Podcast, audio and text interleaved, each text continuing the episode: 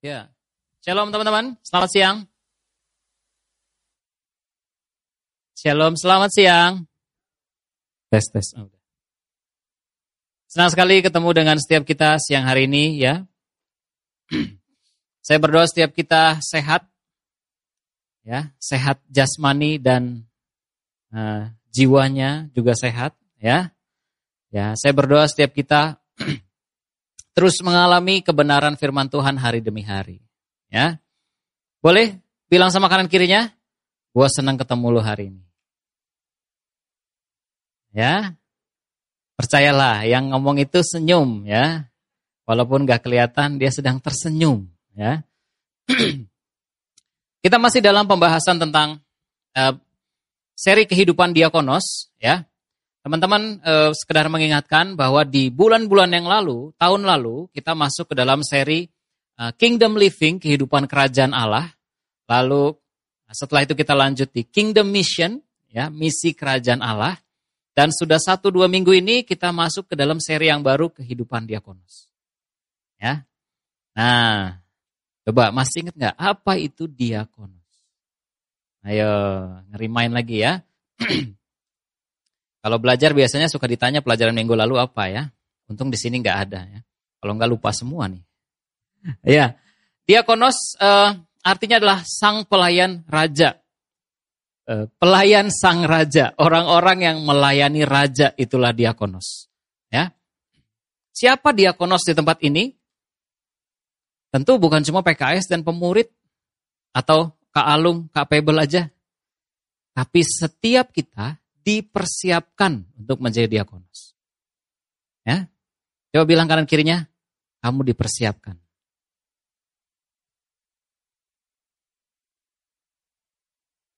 Yang benar dipersiapkan. Emang iya, kata siapa? Nah, kita baca ayatnya. Kelihatan ya? Yang pria bacakan yang ganjil, yang wanita bacakan yang genap, ya. Nah, sampai ayat 7 bergantian dari yang pria dulu 1, 2, 3. Pada masa itu ketika jumlah murid makin bertambah, timbullah sungut-sungut di antara orang-orang Yahudi yang berbahasa Yunani terhadap orang-orang Ibrani. Karena pembagian kepada janda-janda mereka diabaikan dalam pelayanan sehari-hari. Yang wanita?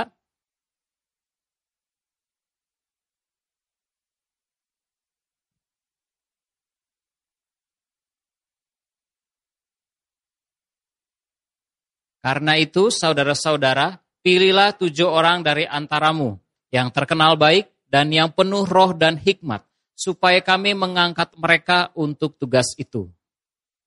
Eh, ya.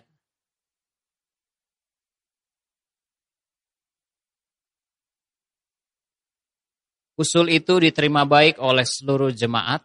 Mereka memilih Stefanus, seorang yang penuh iman dan roh kudus, dan Filipus, Prokorus, Nikanor, Timon, Parmenas, dan Nikolaus, seorang penganut agama Yahudi dari Antioquia.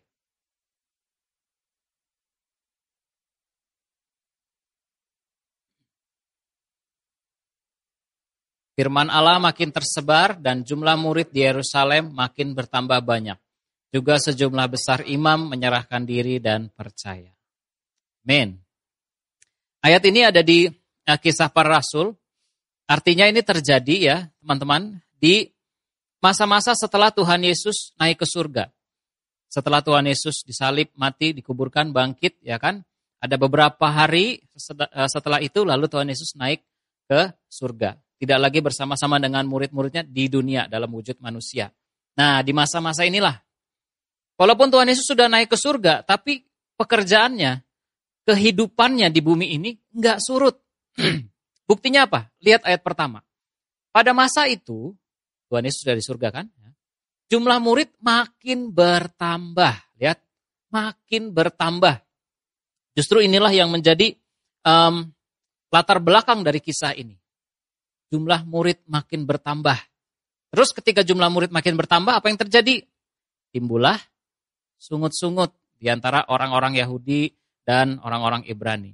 Ada masalah, gampangnya gitu ya ada banyak yang komplain, nah, ada isu yang muncul, ada problem. Ya. Siapa hari ini yang punya masalah? Ada? Wah, puji Tuhan, gak ada yang bermasalah di sini ya. Ya, senang banget kalau khotbah ini gak ada yang masalah. Ada yang kesulitan? Gak ada. Uh. Amin. Saya beriman ya. ya. Teman-teman, ada masalah. Setiap kita pasti punya masalah. Ya. Apa pun yang terjadi dalam hidup kita, kita punya uh, masalah. Yang sekolah, masalahnya ada nggak? Ada PR ya, ulangan, project, nah belum dikerjain ya, misalnya, misalnya. Lalu uh, minggu depan udah mulai masuk uh, apa namanya tuh uh, mid mid exam, nah, itu ada masalah. Ya udah nggak usah dikerjain masalahnya, makin masalah, ya kan? Dipanggil lah, apalah, segala macam. Sampai kapan pun kita masalah, ya itu wajar. Tetapi yang kita perlu sadari teman-teman, hidup kita bukan untuk menyelesaikan masalah-masalah itu. Karena masalah-masalah itu pasti ada. Hidup kita perlu fokus sama sesuatu yang lebih besar. Kita selesaikan masalah A, ada masalah B. Kita selesaikan masalah C, ada masalah D. Ya terus aja. Lalu tiba-tiba balik lagi ke masalah A. Ya, muter-muter aja. Capek ya orang hidup mengatasi apa namanya ngurusin masalah ya. Akhirnya ada yang nggak peduli sama masalahnya. Bukan masalahnya nggak ada atau hilang atau ditelan bumi. Masalahnya cuma lagi diabaikan dari pikirannya. Nah, kan ada yang punya masalah, makin banyak PR, makin banyak tugas, makin dia main game, makin gak dikerjain. Dia pikir dengan hal itu, tahu-tahu tugasnya ada yang selesain, ya, gak bakal. Ya, teman-teman, ya kalau kita lihat masalah di jemaat ini, ini disebabkan karena jumlah murid makin bertambah. Positif atau negatif? netral. Enggak ya. Ini masalah tapi baik. Karena adanya pertambahan murid. Saya punya ponakan, kalau di rumah ya, dia tadinya tingginya cuma segini, ya kan, karena ini masih kecil. Tapi terus badannya makin tinggi, masalah nggak buat orang tuanya? Masalah, harus beliin baju yang baru. Ya ampun kamu namanya Daniel ya, eh, dari Daniel. Ya ampun kamu Daniel kok makin tinggi aja, akhirnya harus cari baju baru gitu. Tapi kalau dia nggak tambah tinggi, masalah nggak? Lebih masalah lagi kalau badan segitu-segitu aja bagus ya, kamu segini-segini aja, nggak usah tambah tinggi. Nggak ada orang tua kayak gitu ya teman-teman ya. Pasti maunya bertumbuh. Nah ini juga sehat, maunya bertumbuh. Jadi kalau ada masalah dalam hidupmu karena kamu sedang bertumbuh, bertambah iman, semakin jadi dewasa, itu baik. Asal benar-benar ada yang bertambah. Jangan sampai nggak ada yang bertambah, nggak ada gimana-gimana, masalah terus itu ada masalah, benar-benar ada masalah. Ya. Lihat bedanya di situ. Nah, karena masalah-masalah-masalah yang ada akhirnya 12 rasul um, sebenarnya tinggal 11 karena Yudas sudah nggak bareng-bareng di sini, dia udah left group. Gitu kan? Dimasukinlah Matias. Jadi udah ada 12 lagi. Mereka meeting. Mereka meeting supaya masalah ini terjadi, tidak terjadi lagi. Mereka meeting supaya ada apa namanya perkembangan inovasi biar masalah ini bisa selesai supaya lihat ayat 4 supaya kami dapat memusatkan pikiran dalam doa dan pelayanan firman. Um, Rasul-rasul di sini sadar fokus kita bukan buat ngurusin masalah-masalah. Fokus kita pada doa dan firman. Bilang kanan kirinya. Fokus kita adalah firman dan doa. Fokusmu apa? Seringkali masalah-masalah itu tuh bikin kita nggak fokus. Ada masalah nggak komsel, ya. Ada masalah nggak pemuritan. Masalah, masalah, ya emang kapan masalahnya nggak e, berhenti? Nggak akan kan? Jadi kalau masalah nggak berhenti, nggak akan komsel terus, nggak pemuritan terus, nggak gitu. Nah, ya. Jadi lihat di sini. Fokus kita bukan pada masalah. Tetapi ketika ada hal ini, ya, kemudian lihat di ayat 5, ya mereka mengajukan orang-orang untuk diangkat untuk mengurusi masalah ini, untuk mengurusi tugas ini. Ya, ayat 5 di situ ada nama-namanya siapa aja, termasuk Stefanus, ya. Ada juga Filipus dan orang-orang ini. Orang-orang ini nggak tiba-tiba dipilih, teman-teman. Walaupun mungkin kita jarang ngeliatnya di Alkitab ya, tahu-tahu muncul nama-nama ini gitu kan. Siapa ini? Dari mana dia datangnya gitu kan? Tapi percayalah, orang-orang ini juga adalah orang-orang yang bersama-sama dengan Tuhan Yesus waktu Tuhan Yesus masih ada di bumi. Mereka juga ada adalah orang-orang yang termasuk yang dikatakan sebagai murid-murid.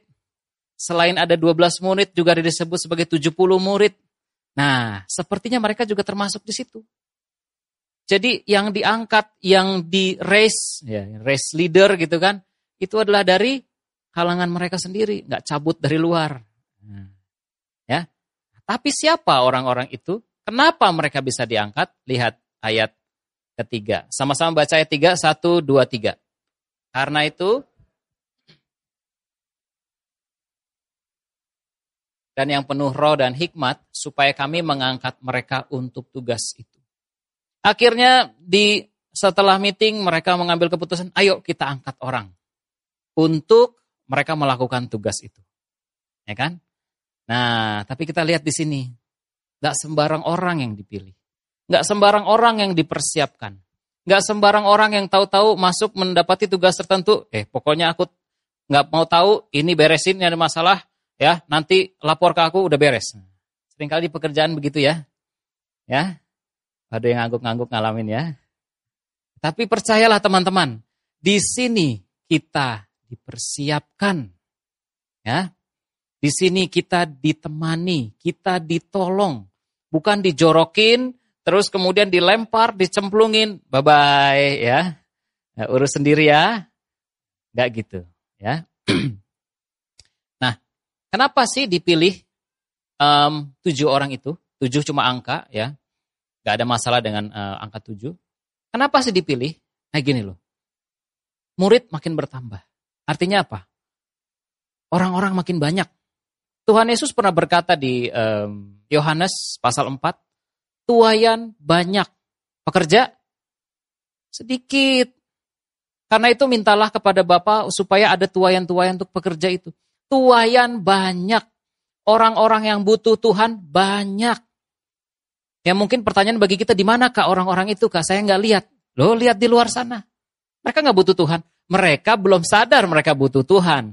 Tapi kalau waktunya sadar, apa kita siap untuk nampungin mereka?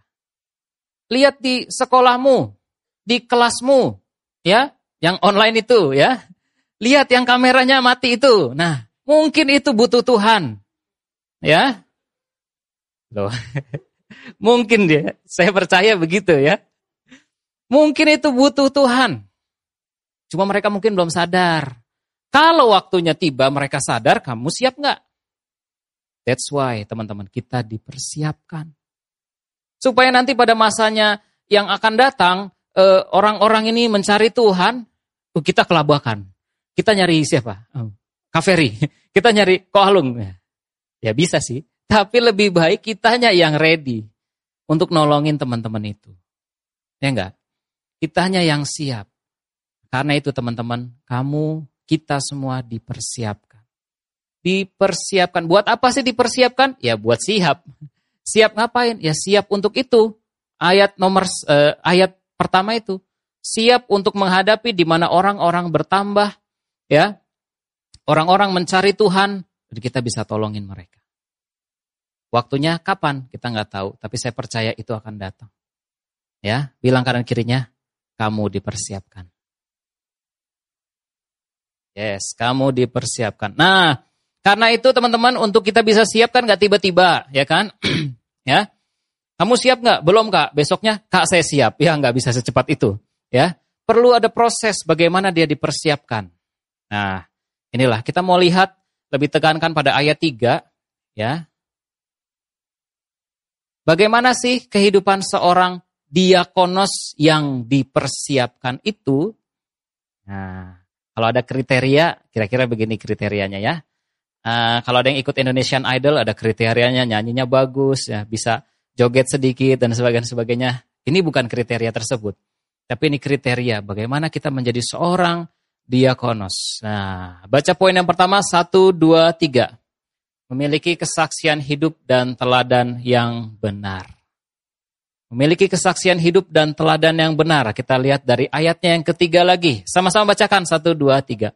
Karena itu, saudara-saudara,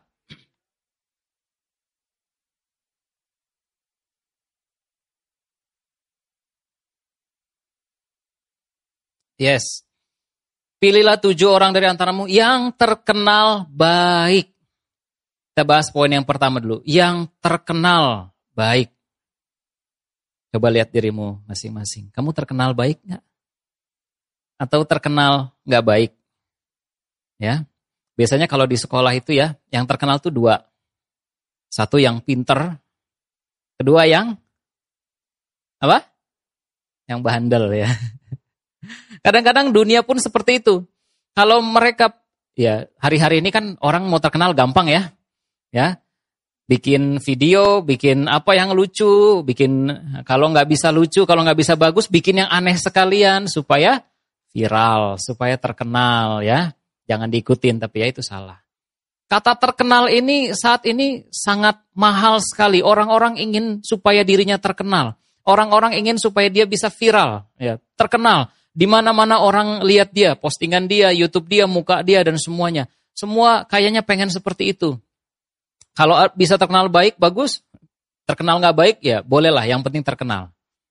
Atau viewer nambah, subscriber nambah, uang juga nambah. Nah, dunia seperti itu. Jangan seperti teman-teman. Ya, kita nggak perlu terkenal. Kita sudah dikenal oleh Bapak. Amin. Ya, kita perlu mengizinkan diri kita dikenal oleh Bapak, oleh teman-teman komunitas, bukan terkenal oleh orang-orang yang nggak jelas itu, netizen dan sebagainya, bukan, bukan untuk itu. Tetapi kata terkenal di sini ya, ah, ada artinya. Dia apa? Martureo, bahasa aslinya. Martureo berasal dari kata martus. Martus bukan Markus ya. Martus artinya kesaksian atau bersaksi. Martus ini yang kemudian menjadi kata martir ya. Pernah dengar ya? Orang-orang yang karena imannya, karena kesaksiannya, dia menderita, dianiaya, bahkan dibunuh. Itulah martir. Nah di ayat tadi udah ada salah satu orang yang disebut sebagai martir. Siapa? Stefanus ya. Alkitab mencatat dia sebagai martir yang pertama. Ya, memang pada akhirnya dia dibunuh karena kesaksiannya. Nah, teman-teman, inilah yang disebut marturio. Artinya adalah orang yang memiliki kesaksian kehidupan firman yang baik. Cek diri kita. Apakah diri kita punya kesaksian? Apakah diri kita punya kehidupan firman? Dari mana kesaksian, dari mana kehidupan firman itu bisa ada?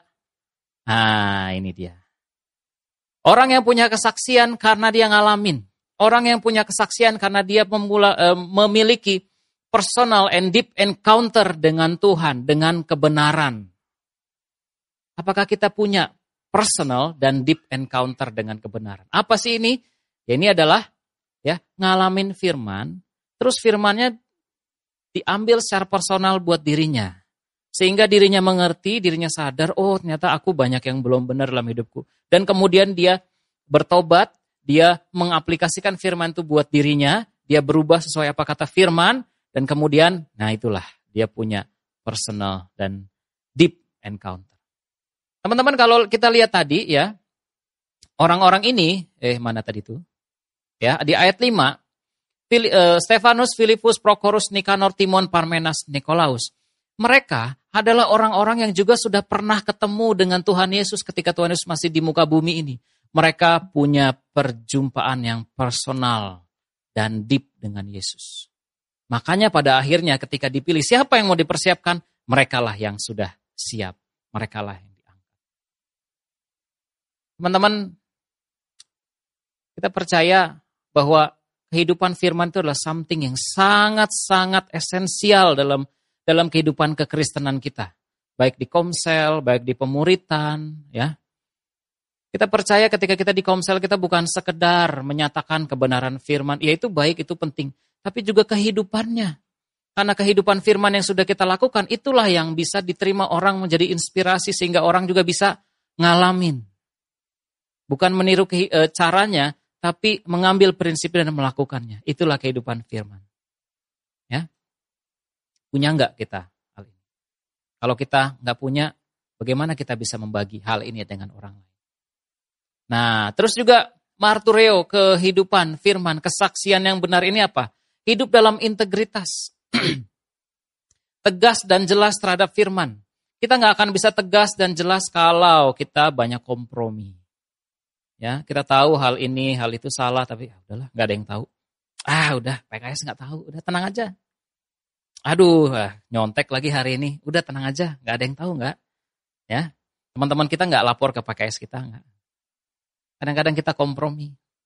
Ini yang membuat kehidupan firman ini sulit karena ada dosa, ada ganjalan. Kita nggak jujur. Jangan, kita perlu bertobat. Ya. Teman-teman, miliki kehidupan firman itu dalam hidup kita. Ya. Tapi bagaimana kehidupan firman itu bisa diawali ada dalam hidup kita? Kalau kita tuh nggak terima dan nggak masukin firman dalam hidup kita. Ya, ada Bible plan, ada link khotbah, ya yang sudah diberikan. Apakah kita baca itu? Atau kita malah liatin yang lain? Gak ada yang tiba-tiba teman-teman supaya kita bisa ngalamin kehidupan itu. Tapi itu dimulai dari bagaimana kita masukin firman dalam hidup. Cerna itu. Jadi terbiasa hidupin firman. Jadi terbiasa sampai ada kehidupannya nyata. Ya. Oke, lanjut ke poin nomor dua. Baca sama-sama. Satu, dua, tiga. Memiliki hidup yang utuh dan penuh di dalam kasih, kebenaran, dan kuasa whole in Christ. Masih ayat yang sama, kita baca lagi yuk. Satu, dua, tiga. Karena itu saudara-saudara, pilih tujuh orang dari antaramu yang terkenal baik, penuh roh dan hikmat, supaya kami mengangkat mereka untuk tugas itu. Bagian yang kedua ini adalah tentang penuh. Ya, penuh. Semua orang pengen penuh, ya. Gak ada yang pengen kosong atau setengah-setengah, gak ada. Kamu datang ke sini bawa botol minum pasti diisi penuh, kan? Atau masa eh, bawa botolnya aja nanti numpang di tempat siapa isi kan enggak ya. ya. Kita pengen semua yang penuh. Tapi penuh apa? Penuh rekeningnya, penuh uh, apa lagi yang penuh ya? Uh, saldo e-walletnya penuh. Wah, level PUBG saya udah penuh level uh, Mobile Legend saya, waduh, udah penuh, nggak bisa naik lagi. Ini udah maksimal. Kalau penuh jebol nanti, ya. Apalagi yang kita pengen penuh, ya. Satu postingan like-nya penuh, wah. Seringkali kita ingin jadi penuh, tapi penuh yang salah. Dan bahkan kadang-kadang kita memenuh-menuhkan diri kita dengan semua hal-hal lahiriah dan supaya kita jadi penuh. Padahal makin diisi, makin kosong. Hati-hati. Penuh seperti apa yang dimaksud.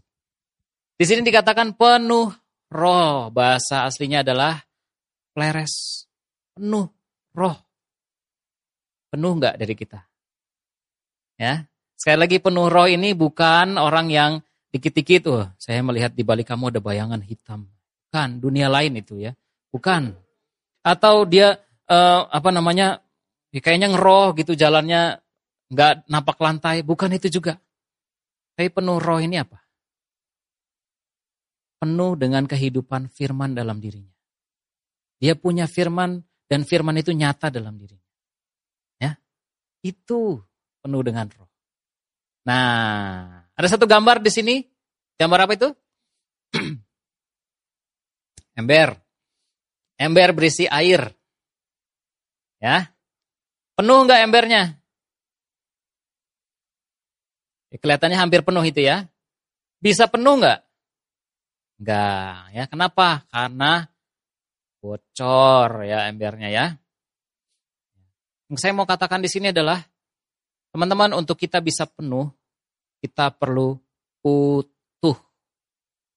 Ya, seperti judul yang itu, memiliki hidup yang utuh. Utuh artinya tidak bocor. Utuh artinya tidak retak. Utuh artinya bisa menampung sampai kapasitas yang maksimal. Itu utuh. Di luar itu, ya berarti ada bocor.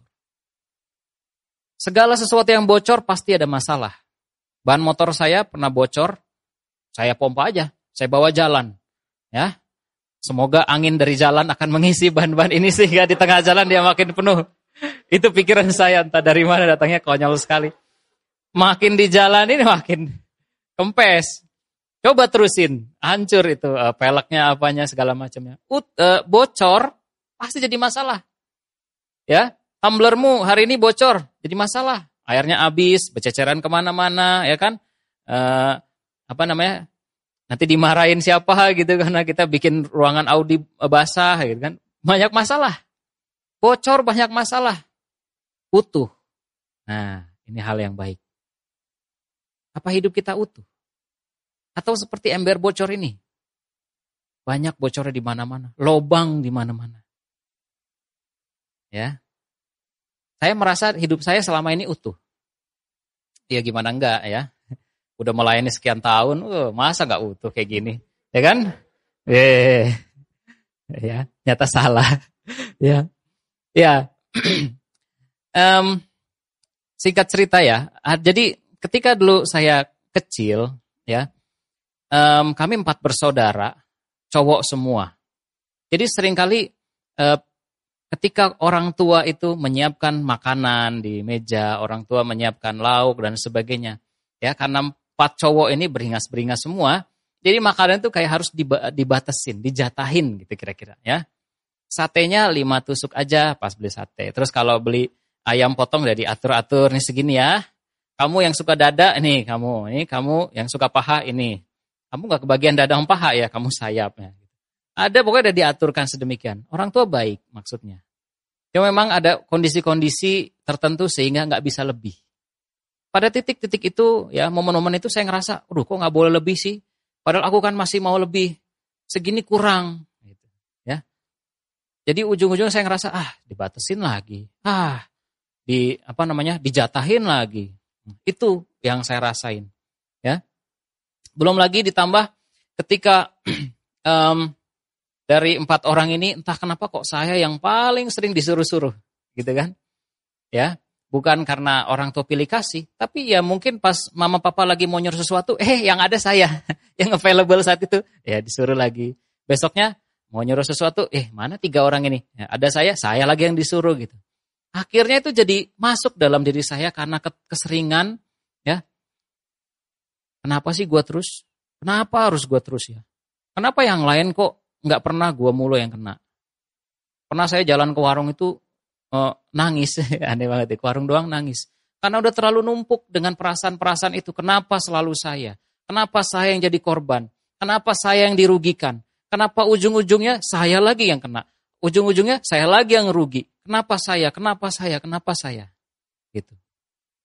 Ada yang pernah ngalamin itu? Eh? Gak ada ya, semua baik-baik aja. Kakak saya yang jadi korban, kak, bukan saya. Haleluya. Ya. Enggak ya, jangan gitu juga ya. ya, biasanya anak pertama ini kena kayak gitu ya. Ya, ada yang salah, saya harus ngalah. Eh, ada yang salah, saya yang harus ngasih. Ada yang salah, kamu pengertian dong. Aduh. ya. Ada yang salah, kamu yang beresin dong. Aduh. Giran kakak yang salah, oh ya pasti ya dia yang kena. Ya, Nah, ada perasaan-perasaan jadi korban. Ada perasaan-perasaan dirugikan. Ada perasaan-perasaan diabaikan. Disia-siakan. Ya, main bola selalu jadi cadangan. Gitu kan. Boleh main pas udah mau maghrib, udah mau selesai. Nah, fit main fit. Nah, gitu. Gitu. Ya. Di apa namanya anak bawangkan dan sebagainya. Banyak perasaan-perasaan jadi korban dalam hidup saya. Ada yang kayak gitu? Nah, perasaan ini ke bawah, teman-teman. Jangan kira itu udah selesai di SMP, ya, e, peristiwanya selesai. Oh, ternyata enggak. Pas saya kuliah, pas saya kerja, makin itu perasaan makin menggelora. Jadi saya ingat kejadian di mana um, ada event-event tertentu di kantor saya dulu dan kemudian uh, saya diminta untuk jadi salah satu PIC-nya. Awalnya saya senang, saya terima dengan sukacita. Wih, saya mau ambil. Tapi udah di jalannya, jalannya, jalani, perasaan itu muncul lagi. Kenapa harus saya? kan aneh ya, yang mau terima siapa? Saya. Terus pas udah jalani gak mampu, siapa yang nyesel? Saya. Ya, di titik itu saya mikir, saya eh, apa namanya, menggali apa yang ada dalam diri saya.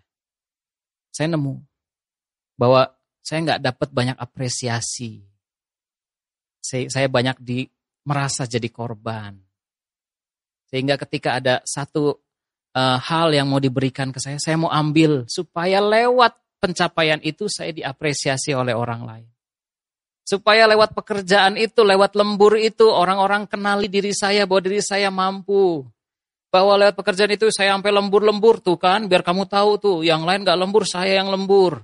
Ya, yang lain gak ngerjain apa-apa, saya. Ya, walaupun kerjaan nggak beres, tapi saya kerjain yang lain enggak. Itu yang muncul di saya. Kalau itu kerjaan nggak beres, saya disalahin. Tuh kan, saya lagi yang disalahin. Gitu modelnya banyak bocor dalam diri saya. Ya, teman-teman, ada kamu mengalami bocor seperti itu? Ya.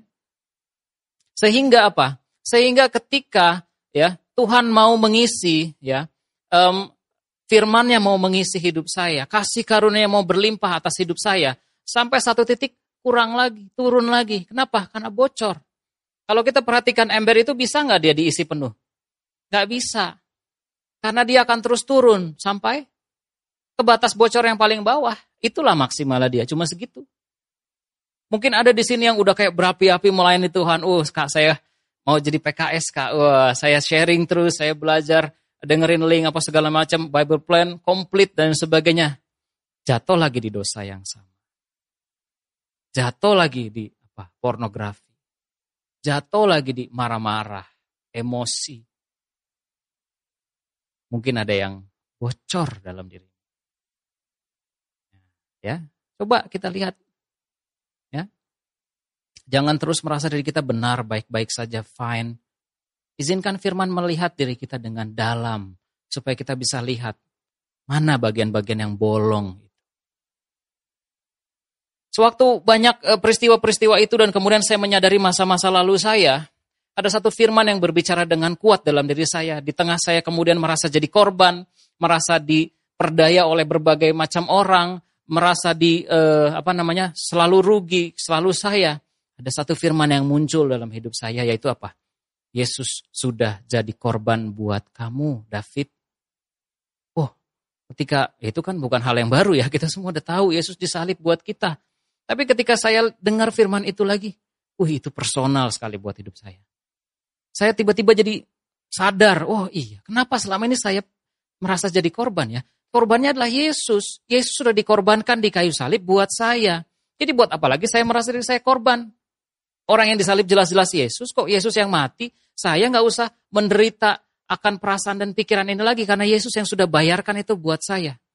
Ya, kata pleres ini artinya penuh. Salah satu arti yang saya lihat itu adalah cover, di cover, ditutupi, digantiin, ditolong, ditanggulangi. Itu sangat personal buat diri saya sehingga di titik itu ya ya saya nangis, saya bertobat, saya malu sekali dengan Tuhan. Ya, firman itu menembus kedalaman hati saya. Di situ saya merasa bahwa David masa lalumu sudah di cover sama Allah. Peristiwa-peristiwa itu sudah di cover sama Allah. Jangan lagi kejadian-kejadian itu membuat kamu menjalani hari-harimu dengan Eh, paradigma seperti itu lagi. Jangan merasa seperti itu lagi karena Allah sudah jadi, Yesus sudah jadi korban buat hidupmu. Titik itu. Bocor saya ditambal. Di titik itu saya ngalami utuh.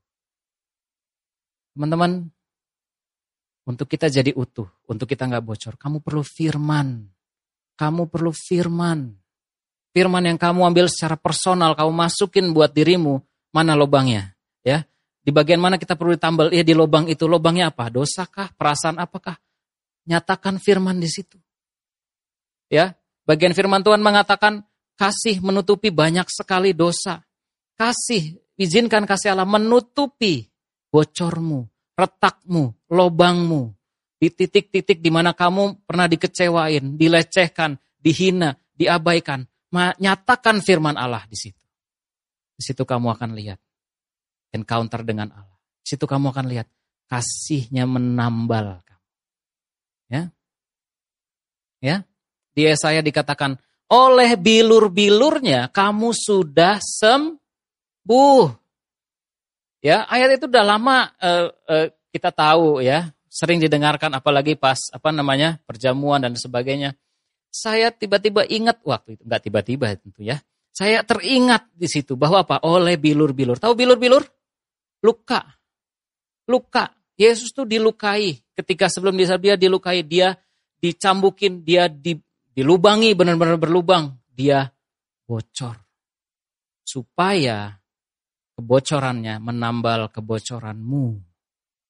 Supaya luka-lukanya menambal luka-luka yang pernah ada dalam hatimu.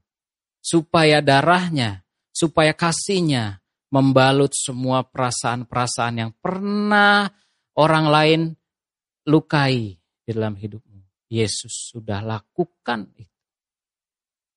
Nyatakan kasih Allah di perasaanmu itu, di hatimu, di kejadian itu. Di situ kamu akan dijadikan utuh. Jangan lagi kembali ke perasaan yang lalu bahwa aku ini eh, eh, harus dikasihani, aku ini menderita, aku ini eh, apa namanya nggak punya orang tua. Kamu ngerti dong aku, ya kamu harus ngerti dong. Kita berharap semua orang ngerti, kita berharap semua orang ngerti. Enggak, tambel. Jadilah utuh. Nyatakan kasih di bagian itu. Ya kak aku kan butuh dikasih. Yesus sudah mengasihi kamu. Jangan lagi merasa belum dapat kasih karena kamu sudah dapat kasih yang penuh dari Allah. Kadang-kadang kita masih merasa aku nggak ada yang mengasihi, aku sendirian, aku kesepian. Oh, banyak uh, setiap hari di chat sama pemuridnya PKS-nya nggak dibalas-balas. Ya, ada yang kayak gitu? merasa sendirian, merasa apa. Padahal kalau pas makan diajakin, komsel diajakin, bahkan ada yang mau jemputin, eh masih merasa sendirian. Kenapa? Karena pikirannya terus di titik itu, di bocor itu. Ada kasih yang mau dinyatakan, turun lagi. Ada kebaikan yang mau dinyatakan, bolong lagi. Penuhlah. Allah menjadikan kita utuh. Supaya kita penuh. Ya, Lihat, bagaimana saya bisa utuh. Saya perlu menyadari, saya dikasihi dan diterima oleh Bapa secara personal. Kasih yang deep dan personal itu yang sanggup membuat kamu utuh, yang sudah membuat kamu utuh. Ya, teman-teman. Jadilah utuh dalam Tuhan, ya. Nah, sekarang yang ketiga. Kita baca sama-sama. Satu, dua, tiga. Berjalan dalam hikmat Allah. Iya, kita baca lagi. Satu, dua, tiga. Karena itu, saudara-saudara,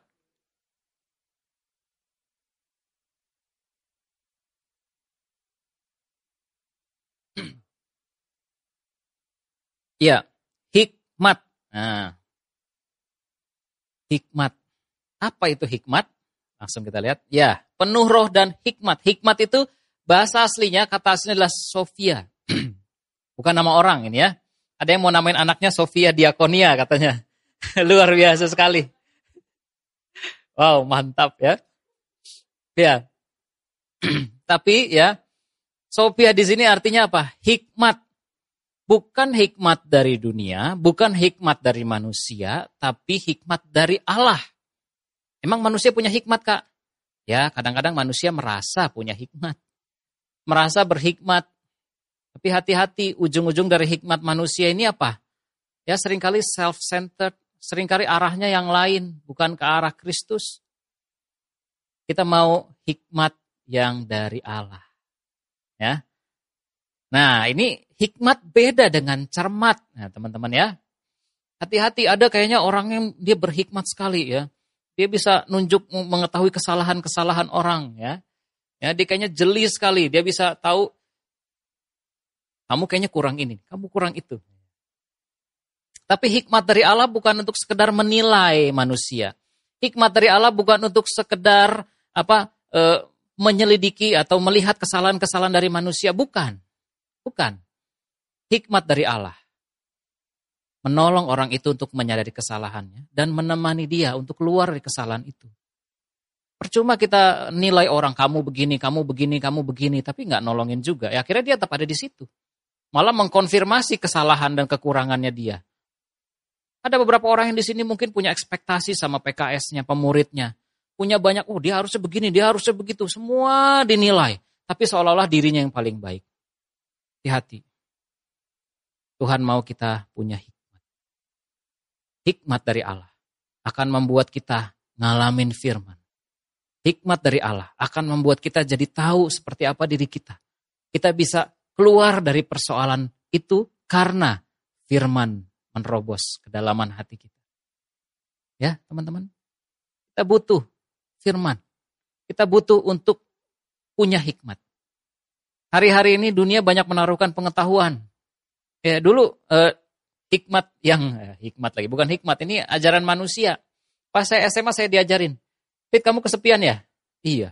Kamu butuh pacar. Nah, simple sekali itu. Gara-gara itu saya pacaran pas SMA. Salah. Ya. Saya belum masuk komsel sih sayangnya. Gitu.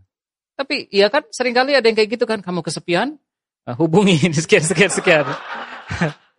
Bukan ya. Ya dari dunia ya kayak begitu modelnya. Kamu kesepian, butuh jodoh, butuh pacar, nah, segala macam. Kan? Ya, kita butuh hikmat yang dari Allah. Nah, hikmat ini untuk apa sih? Hikmat ini untuk kita bisa melihat yang tersembunyi. Apa yang tersembunyi itu? Yaitu kedalaman hati kita. Ya, luka-luka yang selama ini kita nggak sadari, kemarahan-kemarahan yang selama ini mungkin nggak terungkap, kesedihan-kesedihan yang selama ini mungkin nggak keluar air matanya, tapi di dalam tuh kayak jelep-jelep-jelep gitu ya. Ya itu firman menyelidiki sampai ke situ sehingga kita tahu, oh ternyata saya banyak kemarahan, saya ternyata belum sembuh, saya masih banyak kepahitan, oh ternyata saya ini banyak cari muka di hadapan orang. Nah itu kita butuh hikmat untuk melihat diri kita seperti itu. Supaya nantinya kita bisa menolong orang lain dalam masalahnya. Supaya nantinya kita bisa ya melihat hal-hal yang tersembunyi dalam hati orang. Tapi sebelum kita bisa melihat yang ada dalam hati orang, soroti dulu dirimu. Ya, jangan kayak tadi, wah dia tajam melihat kesalahan orang atau ucapannya tajam menyerang orang, tatapannya tajam melihat orang, enggak gitu. Tapi ketajamannya untuk diri sendiri dulu. Baru setelah kita ngalamin, di situ kita bisa menolong orang lain untuk pulih, untuk sembuh. Ya, ya teman-teman, dari tiga poin ini kita bisa menyadari bahwa kita dipersiapkan. Ya, untuk saya memiliki kesaksian hidup dan teladan yang benar. Untuk saya memiliki hidup yang utuh dan penuh di dalam Kristus. Dan untuk saya berjalan dalam hikmat Allah. Semua ini supaya kita dipersiapkan menjadi diakonos. Tidak tiba-tiba bisa ready, tidak tiba-tiba bisa siap. Tapi izinkan dirimu dipersiapkan. Ya, saya bersyukur ya di tengah-tengah kita ada orang-orang yang mengambil peran yang memberi diri untuk menjadi PKS, menjadi pemurid. Bahkan ada juga yang bukan PKS, bukan pemurid, tapi dia terus ngajakin teman-temannya. Itu luar biasa sekali. Dia terus ngingetin di grup, eh guys jangan lupa ya, kita ada komsel. Padahal dia bukan PKS, ada yang seperti itu aktifnya. Bagus. Ya, itu peran yang baik. Ya. Karena itu jangan sia-siakan ya teman-teman kita yang sedang mencoba menemani kita. Untuk apa kita ditemani, untuk apa kita ditolong, untuk apa kita di tanda kutip ya, dikepoin. Nah, mereka sedang menolong kita. Untuk kita sembuh. Menolong kita. Karena apain ke aku ditolong? Karena kita butuh ditolong. Cuma kadang-kadang kitanya nggak sadar kita butuh ditolong. Ya teman-teman. Ya, sadari. Orang-orang yang mencoba menemanimu ini karena mereka melihat bahwa kita butuh ditemani. Kita butuh ditolong, kita butuh dibantu. Kita butuh dipersiapkan. Ya, kita baca sama-sama. Satu, dua, tiga. Sebagai diakonos Allah, saya dipersiapkan agar teguh berjalan sampai akhir hidup saya untuk melakukan seluruh kehendak Allah. Ya, silakan pemain musik boleh siap-siap. Kita dipersiapkan Beberapa waktu yang lalu ketika saya masih di uh, mahasiswa, saya nggak punya teman, nah, ya. Padahal banyak temannya, cuma saya ngerasa nggak punya teman. Nah itu ya, yang bilang nggak punya teman itu karena perasaannya kesepian. Ada satu kata yang yang kenceng sekali di pikiran saya tentang waktu itu apa ya? Fight, berjuang, bukan berantem ya, berjuang. Momen-momen itu saya banyak berjuang sendiri sebagai mahasiswa. Kenapa? Karena saya merasa orang-orang meninggalkan saya. Merasa ya, nggak benar-benar ditinggalkan, merasa. Akhirnya saya banyak berjuang sendiri, eh, belajar sendiri, belajar lebih baik dari orang lain, mengandalkan kekuatan sendiri, ya siang, pagi, sore, malam di kampus demi ngejar apa tahu, ngejar nilai, skripsi, apa segala macam. Tapi di hati saya sebenarnya kosong, bocor. Saya merasa sendiri. Saya lupa di titik itu sebetulnya ada Allah.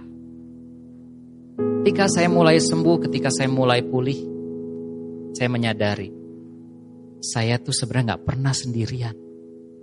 Bahkan ketika saya di lab literally sendirian, tengah malam jam 12 malam demi um, skripsi.